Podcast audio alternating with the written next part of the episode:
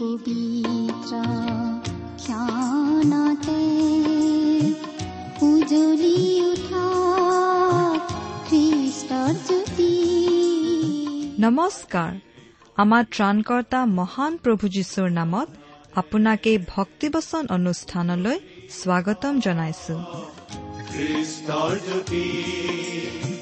আকাশ বতাহ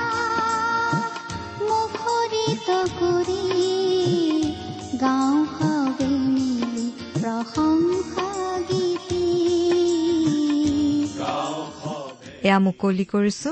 ঈশ্বৰৰ জীৱিত বাক্যৰ ধাৰাবাহিক অনুষ্ঠান ভক্তি বচন। আপোনাৰ জীৱনত যদি শান্তি পাব বিচাৰে তেন্তে এয়া ঈশ্বৰৰ বাক্যৰ সান্তনা বাক্য ভক্তি বচন। গতিকে আহক আজিৰ শিক্ষা শুনো।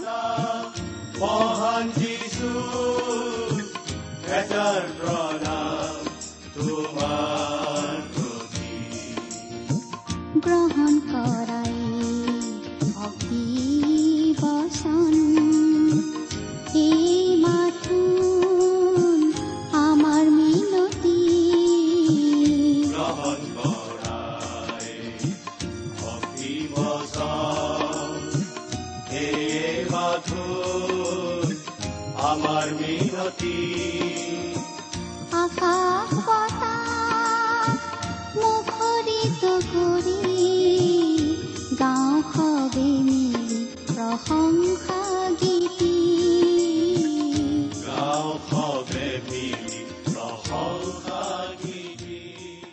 আমাৰ মহান ত্ৰাণকৰ্তা প্ৰভু যীশুখ্ৰীষ্টৰ নামত নমস্কাৰ প্ৰিয় শ্ৰোতা। আশা কৰোঁ আপুনি আমাৰ মহান পিতা পৰমেশ্বৰৰ মহান অনুগ্ৰহত ভালে কুশলে আছে। প্ৰিয় শ্ৰোতা আমাৰ বহুতো শ্ৰোতাই আমালৈ চিঠি পত্ৰ লিখি থাকে আৰু এই অনুষ্ঠান শুনি উপকৃত হোৱা বুলি বহুতে আমাক জনায়। আৰু তেনেকুৱা চিঠিবোৰে আমাক কাম কৰি যাবলৈ যথেষ্ট উৎসাহ যোগায়। আপুনি বাৰু কেতিয়াবা আমালৈ চিঠি লিখিছেনে? অনুগ্ৰহ কৰি আজি এই দুখাৰিমান লিখি পঠিয়াওকচোন। আমাৰ এই অনুষ্ঠান যোগেৰে প্ৰচাৰ কৰা কোনো কথা অধিককৈ বুজিবলগীয়া থাকিলেও আমালৈ লিখিব পাৰে। আমাৰ যোগাযোগৰ ঠিকনা হয়তো আপোনাৰ মনত আছে তথাপি আকৌ এবাৰ কৈ দিছো। ভক্তিবচন টি ডব্লিউ আৰ ইণ্ডিয়া ডাক বাকচ নম্বৰ সাত শূন্য গুৱাহাটী সাত আঠ এক শূন্য শূন্য এক। ভক্তিবচন টি ডব্লিউ আৰ ইণ্ডিয়া ডাক বাকচ নম্বৰ সাত শূন্য গুৱাহাটী সাত আঠ এক শূন্য শূন্য এক। আমাৰ website W W W dot radio' eight eight two dot com প্ৰিয় শ্ৰোতা যদিহে আপুনি আমাৰ এই ভক্তিবচন অনুষ্ঠানটো নিয়মিতভাৱে শুনি আছে তেনেহলে আপুনি নিশ্চয় এই কথা জানে যে আমি আজি কিছুদিন ধৰি বাইবেলৰ পুৰণি নিয়ম খণ্ডৰ হবকুক ভাৱবাদীৰ পুস্তক নামৰ পুস্তকখন অধ্যয়ন কৰি আছো। নহয়নে বাৰু? যোৱা অনুষ্ঠানত আমি এই হবকুক পুস্তকখনৰ দুই নম্বৰ অধ্যায়ৰ একেবাৰে শেষৰটো পদলৈকে চাই আমাৰ আলোচনা আগবঢ়াইছিলো। গতিকে আজি আমি হবকুক পুস্তকৰ তিনি নম্বৰ অধ্যায়ৰ এক নম্বৰ পদৰ পৰা আলোচনা আৰম্ভ কৰিম। হবকুক ভাৱবাদীৰ মনত কিছুমান প্ৰশ্ন আছিল আৰু তাৰ উত্তৰত ঈশ্বৰে কিছুমান কথা বিশেষভাৱে জনাই দিছিল। আৰু সেই কথাবোৰৰ যোগেদি আমাৰ শিকিবলগীয়া বুজিবলগীয়া অনেক কথা আছে। গতিকে আহক আমি হবকুক ভাৱবাদীৰ পুস্তকৰ পৰা আজি যিখিনি পাৰো চাওঁ। আপুনি আপোনাৰ বাইবেলখন মেলি লৈছে নিশ্চয়। বাইবেলৰ পুৰণি নিয়ম খণ্ডৰ এহেজাৰ চৈধ্য নম্বৰ পৃষ্ঠা উলিয়াই লওকচোন। কিন্তু আহক তাৰ আগতে আমি ছুটিকৈ প্ৰাৰ্থনা কৰোঁ। আমাৰ স্বৰ্গত থকা মৰমীয়াল পিতৃশ্বৰ তোমাক ধন্যবাদ জনাওঁ। কাৰণ তোমাৰ মহান বাক্য বাইবেল শাস্ত্ৰ অধ্যয়ন কৰিবলৈ তুমি আমাক আকৌ এটা সুযোগ দান কৰিছা। তোমাক শতকোটিবাৰ ধন্যবাদ জনাওঁ কাৰণ তুমি তোমাৰ একেজাত পুত্ৰ যীশুখ্ৰীষ্টৰ জৰিয়তে আমালৈ অনন্ত জীৱনৰ আশীৰ্বাদ বিনামূল্যে আগবঢ়াইছা। এতিয়া আহা পিতা তোমাৰ বাক্য তুমিয়েই আমাক বুজাই দিয়া। এই অনুষ্ঠান শুনি থকা আমাৰ মৰমৰ শ্ৰোতাসকলক উপচি পৰাকৈ তুমি আশীৰ্বাদ কৰা। তেওঁলোকৰ সকলো প্ৰয়োজনৰ কথা তুমিহে ভালদৰে জানা আৰু সেই সকলো তুমিয়েই পূৰণ কৰা। কিয়নো এই প্ৰাৰ্থনা আমাৰ মহান প্ৰাণকৰ্তা মৃত্যুঞ্জয় প্ৰভু যীশুখ্ৰীষ্টৰ নামত আগবঢ়াইছো। আমেন।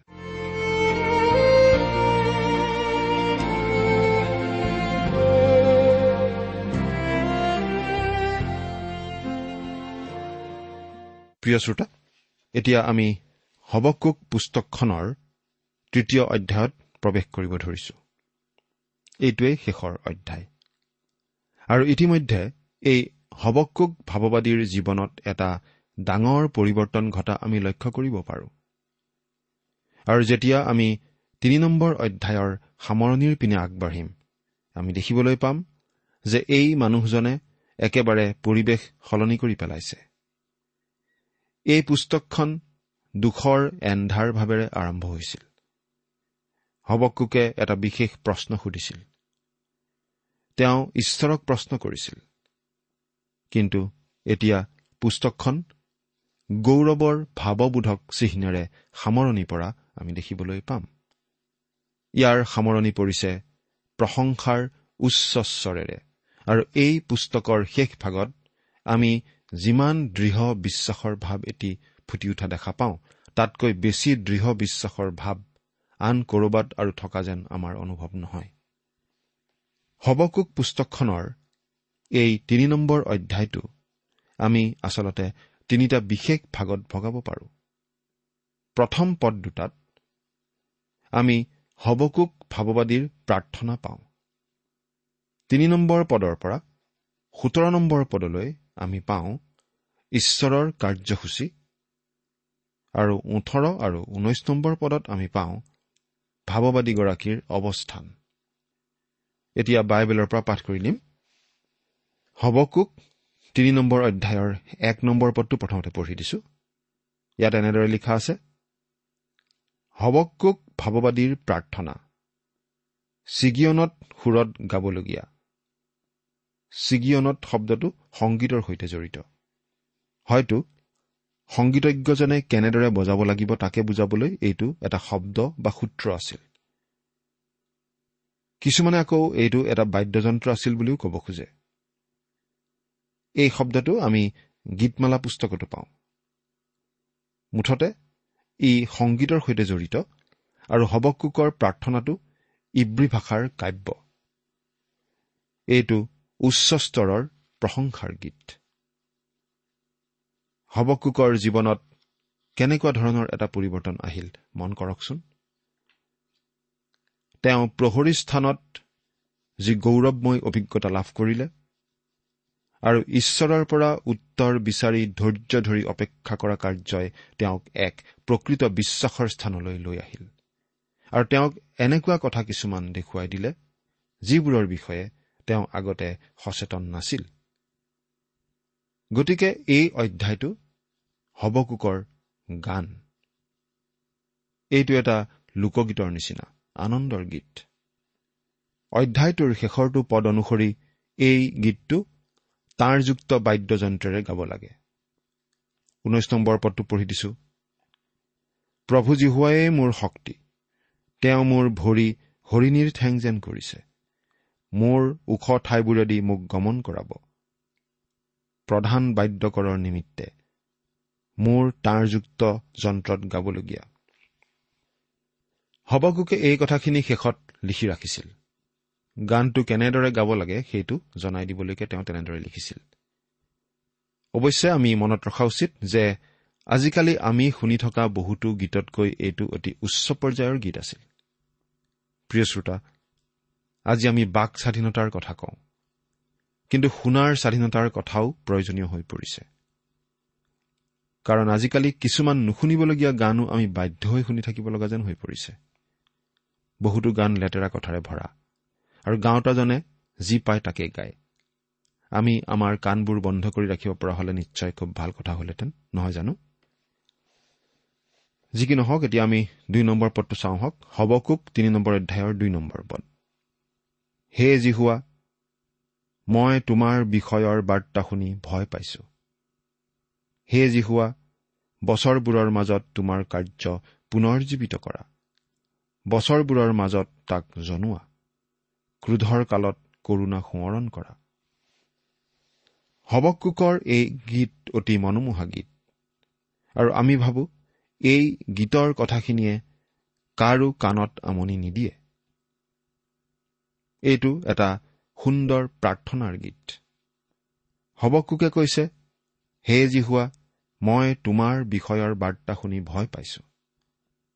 তাৰমানে তাৰমানে ঈশ্বৰে হৱকোকক উত্তৰ দিছিল।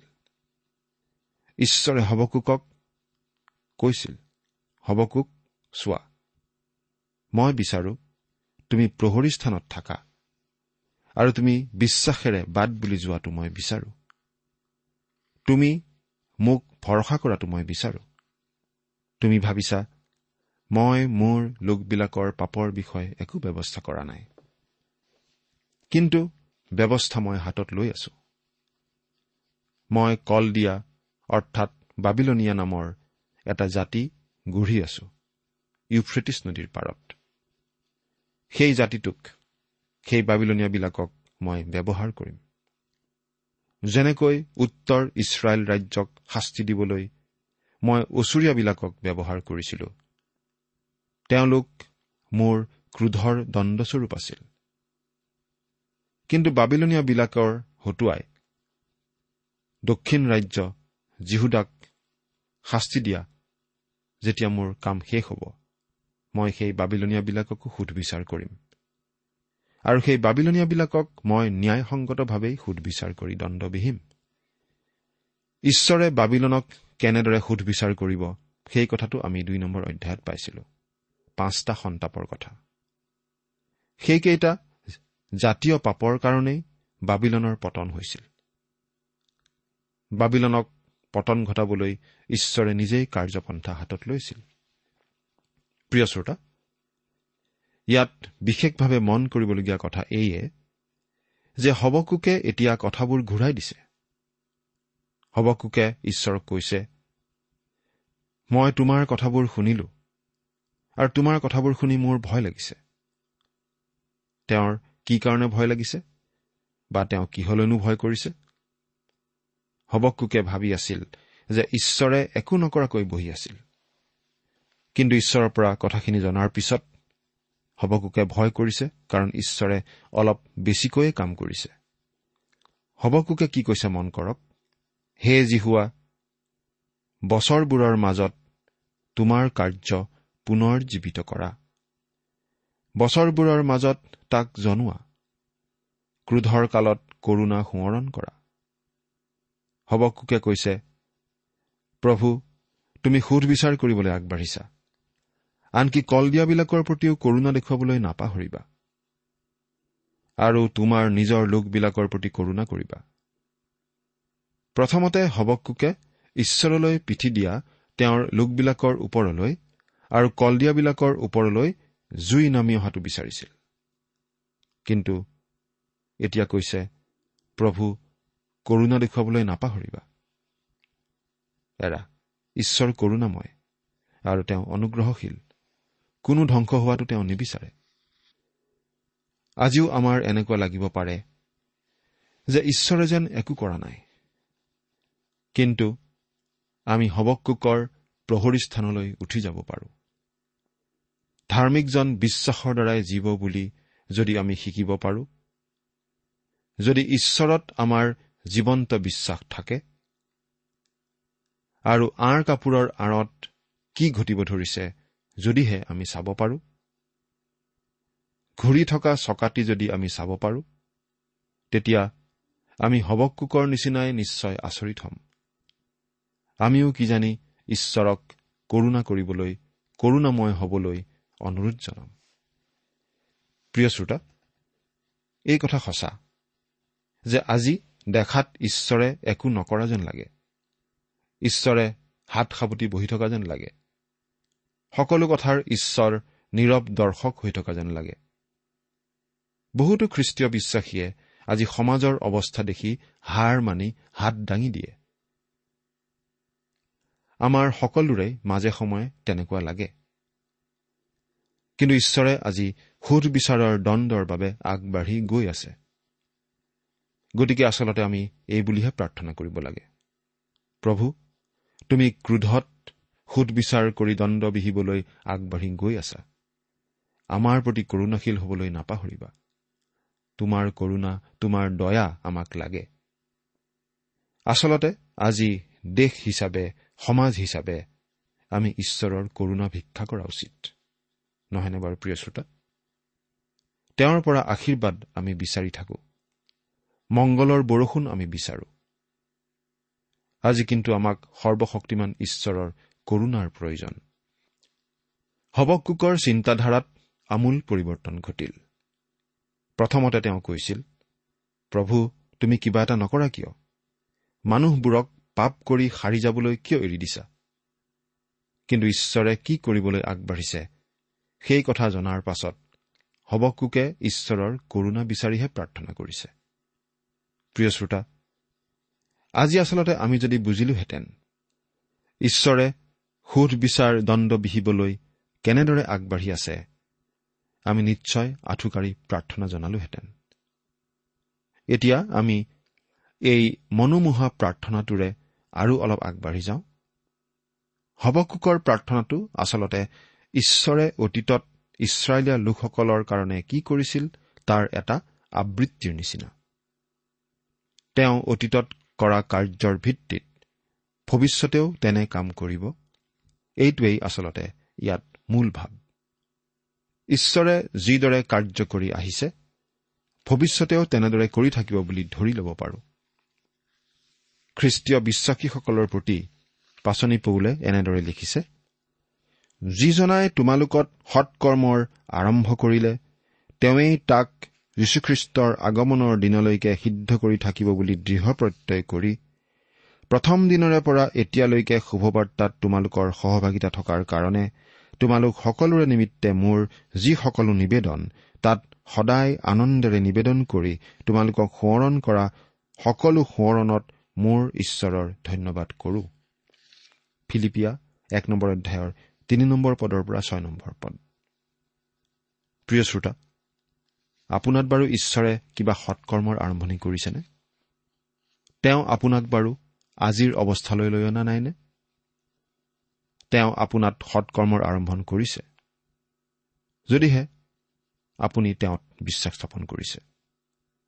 তেওঁ আপোনাত সৎকৰ্মৰ আৰম্ভণ কৰিছে আৰু প্ৰভু যীশুৰ পুনৰ আগমনৰ দিনলৈকে সেই কাম তেওঁ চলাই থাকিব। সেইদিনা তেওঁ আমাক খ্ৰীষ্টীয় বিশ্বাসীসকলক এই জগতৰ পৰা উঠাই লৈ যাব আৰু আমাক প্ৰভু যীশুখ্ৰীষ্টৰ নিচিনা কৰিব। এয়া আমাৰ দৃঢ় বিশ্বাস আৰু হৱকোকৰ এই মনোমোহা গীতটোতো এয়েই ফুটি উঠিছে। এই গীতটিৰ পটভূমিত আচলতে তিনিজন ব্যক্তি আছে। যদিও সেই ব্যক্তি তিনিজনৰ নাম উল্লেখ কৰা হোৱা নাই। কাৰণ এই গীতটি মানুহে কি কৰিলে সেই বিষয়ে নহয়। মানুহৰ যোগেদি ঈশ্বৰে কি কৰি আহিছে সেই বিষয়েহে। আমি ভাবোঁ ইয়াত আমি অব্ৰাহাম মুচি আৰু জিহুচোৱাৰ কথা পাওঁ। অব্ৰাহামৰ কথা পাওঁ তিনি নম্বৰ পদৰ পৰা ছয় নম্বৰ পদলৈকে। মুচিৰ কথা পাওঁ সাত নম্বৰ পদৰ পৰা দহ নম্বৰ পদলৈকে। আৰু জিহুচোৱাৰ কথা পাওঁ এঘাৰ নম্বৰ পদৰ পৰা পোন্ধৰ নম্বৰ পদলৈকে। তিনি নম্বৰ পদটো প্ৰথমতে পঢ়ি দিম। ঈশ্বৰ তৈমনৰ পৰা আহিছে। পবিত্ৰজনা পাৰণ পৰ্বতৰ পৰা আগমন কৰিছে। চেলা। তেওঁৰ প্ৰভাৱে আকাশমণ্ডল ঢাকিছে। তৈমন মানে ইডুম আৰু পাৰণ চিনয়ৰ অতি ওচৰতে। বহুতে ভাবে ইয়াত ইছৰাইলীয়া লোকসকল মিছৰৰ পৰা ওলাই অহা সময়ৰ কথা কোৱা হৈছে। কিন্তু অব্ৰাহামে তাতকৈও আগতেই মিছৰ দেশলৈ গৈছিল। চেলা শব্দটো আমি গীতমালাটো পাওঁ। গতিকে ইয়াত উল্লেখ কৰাৰ পৰা আমি এইটো এটা গীত বুলি বুজি পাওঁ। কিছুমান লোকে ক'ব খোজে যে চেলা মানে গীতটোৰ এটা বিৰতি বা উশাহ লোৱা ঠাই। আমি অৱশ্যে ইয়াৰ অৰ্থটো ৰোৱা চোৱা আৰু মন দি শুনা এই বুলিহে ক'ব খোজো। ৰাস্তা পাৰ হ'বৰ সময়ত যেনেদৰে আমি ৰৈ দুয়োপিনে চাই শব্দ শুনিব লাগে তেনেদৰে ঈশ্বৰেও যেন আমাক কৈছে। এতিয়া বহা মন কৰা ভালদৰে শুনি লোৱা। চেলা মানে যিখিনি কোৱা বা গোৱা হ'ল সেইখিনিৰ প্ৰতি বিশেষভাৱে মনোযোগ আকৰ্ষণ কৰাকেই বুজায়। ইয়াত অব্ৰাহাম নে মুচিৰ কথা কৈছে সেইটো ডাঙৰ কথা নহয়। এই দুয়োজন ব্যক্তিৰ লগতেই ঈশ্বৰ আছিল। আৰু দুয়োজনৰ যোগেৰেই ঈশ্বৰে কাৰ্য কৰিছিল। আমি ইয়াত ঈশ্বৰৰ গৌৰৱ মহিমাৰ অপূৰ্ব বৰ্ণনা এটা পাওঁ। তেওঁৰ প্ৰভাৱে আকাশমণ্ডল ঢাকিছে আৰু পৃথিৱী তেওঁৰ প্ৰশংসাৰে পৰিপূৰ্ণ। এইটো কিন্তু এতিয়াও ঘটা নাই। অৱশ্যে অব্ৰাহামৰ হৃদয় প্ৰশংসাৰে পৰিপূৰ্ণ আছিল। মিছৰ দেশৰ পৰা উদ্ধাৰ হৈ অহাৰ পাছতে ইছৰাইলীয়া লোকবিলাকৰ অন্তৰো ঈশ্বৰৰ প্ৰতি প্ৰশংসাৰে পৰিপূৰ্ণ হৈ পৰিছিল। তেওঁৰ প্ৰভাৱে আকাশমণ্ডল ঢাকিছে।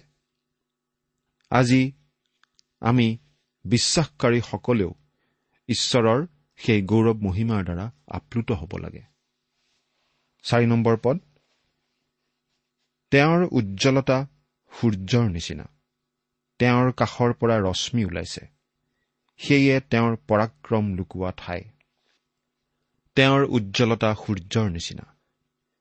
তেওঁৰ কাষৰ পৰা ৰশ্মি ওলাইছে। যেতিয়া সূৰ্য উদয় হয় ইয়াৰ চাৰিওপিনৰ পৰা ৰশ্মি ওলায়। ঈশ্বৰৰ আগমনৰ এনে এখন ছবি ইয়াত দাঙি ধৰা হৈছে। আমি ভাবো এই পৃথিৱীৰ পৰা খ্ৰীষ্টীয় মণ্ডলীক উঠাই নিবলৈ যেতিয়া প্ৰভু যীশু আহিব এনেকুৱা এটা গৌৰৱ মহিমা প্ৰকাশিত হ'ব যিটো তেওঁ বৈতলেহেমত জন্ম লওঁতে প্ৰকাশ পোৱা নাছিল। তেওঁ পৃথিৱীত ন্যায় শাসন প্ৰতিষ্ঠা কৰিবলৈ আহোঁতেও তেনেকুৱা হ'ব। সেয়ে তেওঁৰ পৰাক্ৰম লুকোৱা ঠাই অৰ্থাৎ ঈশ্বৰৰ মহিমা ইমান ছাট মাৰি ধৰা হ'ব যে তেওঁক দেখা পোৱা নাযায়। ঈশ্বৰৰ মহিমাই ঈশ্বৰৰ মহিমা ঢাকি ধৰে। এই কথা আমি আচলতে অলপ দকৈ চিন্তা কৰি চাব লাগে শ্ৰদ্ধা আৰু প্ৰশংসাৰ ভাৱেৰে। পাঁচ নম্বৰ পদ। তেওঁৰ আগে আগে মহামাৰী চলিছে আৰু তেওঁৰ খোজৰ পৰা বজ্ৰপাত হৈছে।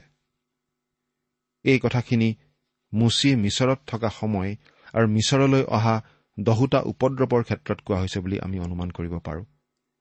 অৱশ্যে আকাল মহামাৰীৰ কাৰণে অব্ৰাহাম যে মিছৰ দেশলৈ গুচি গৈছিল সেই ক্ষেত্ৰতো এই কথাটো খাটে যেন লাগে। এতিয়া ছয় নম্বৰ পদটো পঢ়ি দিম। তেওঁ থিয় হৈ পৃথিৱী লৰাইছে। তেওঁ দৃষ্টি কৰি জাতিবিলাকক কম্পমান কৰিছে। আৰু চিৰকলীয়া পৰ্বতবোৰ ছিন্ন ভিন্ন হৈছে। আদিকালৰ গিৰিবোৰ বহি গৈছে। আগৰ কালৰ পৰা এয়েই তেওঁৰ গতি। তেওঁ থিয় হৈ পৃথিৱী লৰাইছে। ঈশ্বৰে অব্ৰাহামক কৈছিল মই তোমাক এই দেশ দিম। আৰু তেওঁ বিশাল ভূভাগ জুখি অব্ৰাহামক দিছিল। ঈশ্বৰে সেই অনুসাৰেই পৃথিৱীৰ জাতিবোৰ শাৰী শাৰী কৰাইছে। এইটো নিশ্চয় অতি আচৰিত ধৰণৰ কথা। তেওঁ দৃষ্টি কৰি জাতিবিলাকক কম্পমান কৰিছে। আৰু চিৰকলীয়া পৰ্বতবোৰ ছিন্ন ভিন্ন হৈছে। আদিকালৰ গিৰিবোৰ বহি গৈছে। আগৰ কালৰ পৰা এয়েই তেওঁৰ গতি। এৰা প্ৰিয় শ্ৰোতা ঈশ্বৰ কেতিয়াও সলনি হোৱা নাই আৰু কেতিয়াও সলনি নহয়। অতীজৰ যি ঈশ্বৰ সেই ঈশ্বৰে এতিয়াও নিজক বিভিন্ন কাৰ্যৰ যোগেৰে প্ৰকাশ কৰি আহিছে। সেই সৰ্বশক্তিমান চিৰস্থায়ী ঈশ্বৰক আপুনি বাৰু চিনি পায়নে? ব্যক্তিগতভাৱে তেওঁক বাৰু জানেনে? চিন্তা কৰি চাওকচোন। ঈশ্বৰে আপোনাক আশীৰ্বাদ কৰক। আহমে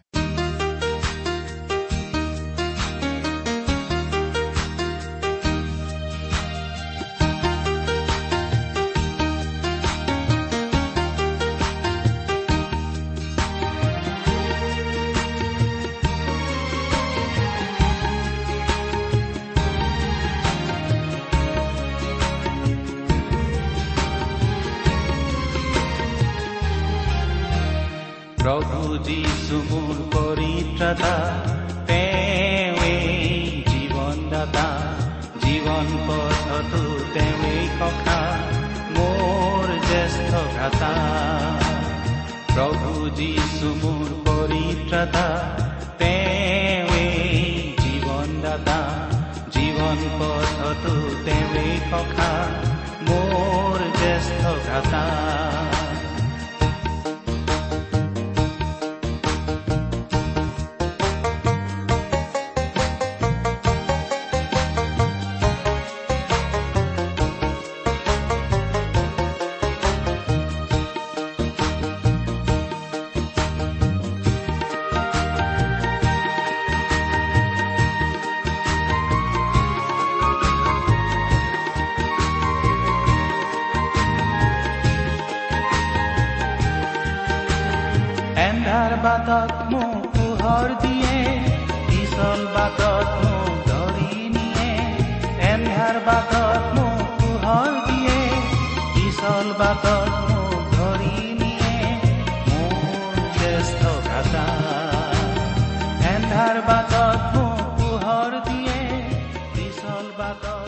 ইমান পৰে আপুনি ভক্তিবচন অনুষ্ঠানটি শুনিলে। এই বিষয়ে আপোনাৰ মতামত জানিবলৈ পালে আমি নথৈ আনন্দিত হ'ম। আমি প্ৰস্তুত কৰা বাইবেল অধ্যয়নৰ আন চিডিসমূহ পাব বিচাৰিলেও আমালৈ লিখক। অনুষ্ঠানটি শুনি কেনে পালে আমালৈ চিঠি লিখি জনাবচোন? অনুষ্ঠানত প্ৰচাৰ কৰা কোনো কথা বুজিব লগা থাকিলেও আমালৈ লিখক। আমাৰ ঠিকনা? ভক্তিবচন ট্ৰান্স ৱৰ্ল্ড ৰেডিঅ' ইণ্ডিয়া ডাক বাকচ নম্বৰ সাত শূন্য গুৱাহাটী সাত আঠ এক শূন্য শূন্য এক। ঠিকনাটো আৰু এবাৰ কৈছো ভক্তিবচন ট্ৰান্স ৱৰ্ল্ড ৰেডিঅ' ইণ্ডিয়া ডাক বাকচ নম্বৰ সাত শূন্য গুৱাহাটী সাত আঠ এক শূন্য শূন্য এক। আমাৰ ইমেইল এড্ৰেছটো হৈছে S M is T T B at the rate radio' eight eight two dot com. আমাৰ website W W W dot T W R dot in আপুনি টেলিফোনৰ মাধ্যমেৰেও আমাক যোগাযোগ কৰিব পাৰে। আমাৰ টেলিফোন নম্বৰটো হৈছে শূন্য তিনি ছয় এক দুই ছয় শূন্য চাৰি ছয় সাত এক। ফোন নম্বৰটো আকৌ এবাৰ কৈছো zero' three six one two six zero' four six seven one আজিৰ অনুষ্ঠানটি ইমানতে সামৰিছো। ঈশ্বৰৰ শান্তি আৰু অনুগ্ৰহ আপোনাৰ লগত থাকক। ধন্যবাদ। প্ৰভু যীশু মোৰ পৰিত্ৰাতা।